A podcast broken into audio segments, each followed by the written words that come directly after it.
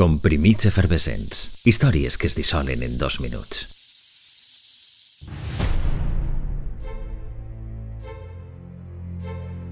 «71 dies, 13 hores, 34 minuts i 6 segons». A soles, passant fred i calor, al mig de l'oceà i sense escales ni assistències.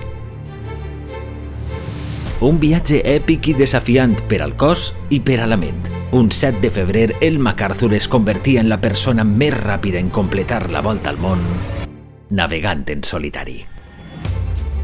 Fins el 2008, quan Francis Joyon completava la singladura en només 57 dies i mig. Però la història de MacArthur és particularment meritòria.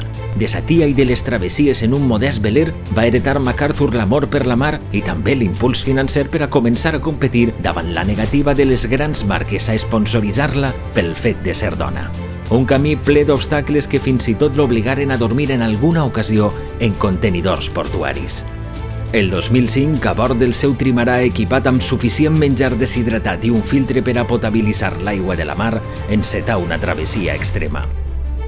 L'exigiria acostumar-se a dormir en períodes de mitja hora i a no perdre la cordura en travessar temporals violents i esgotadors. La reina Isabel II, l'anomenada dama de l'imperi britànic, i avui en dia amb 40 anys encara és la dona més ràpida en circunvalar la Terra a vela i sense escales, des del 7 de febrer de 2005.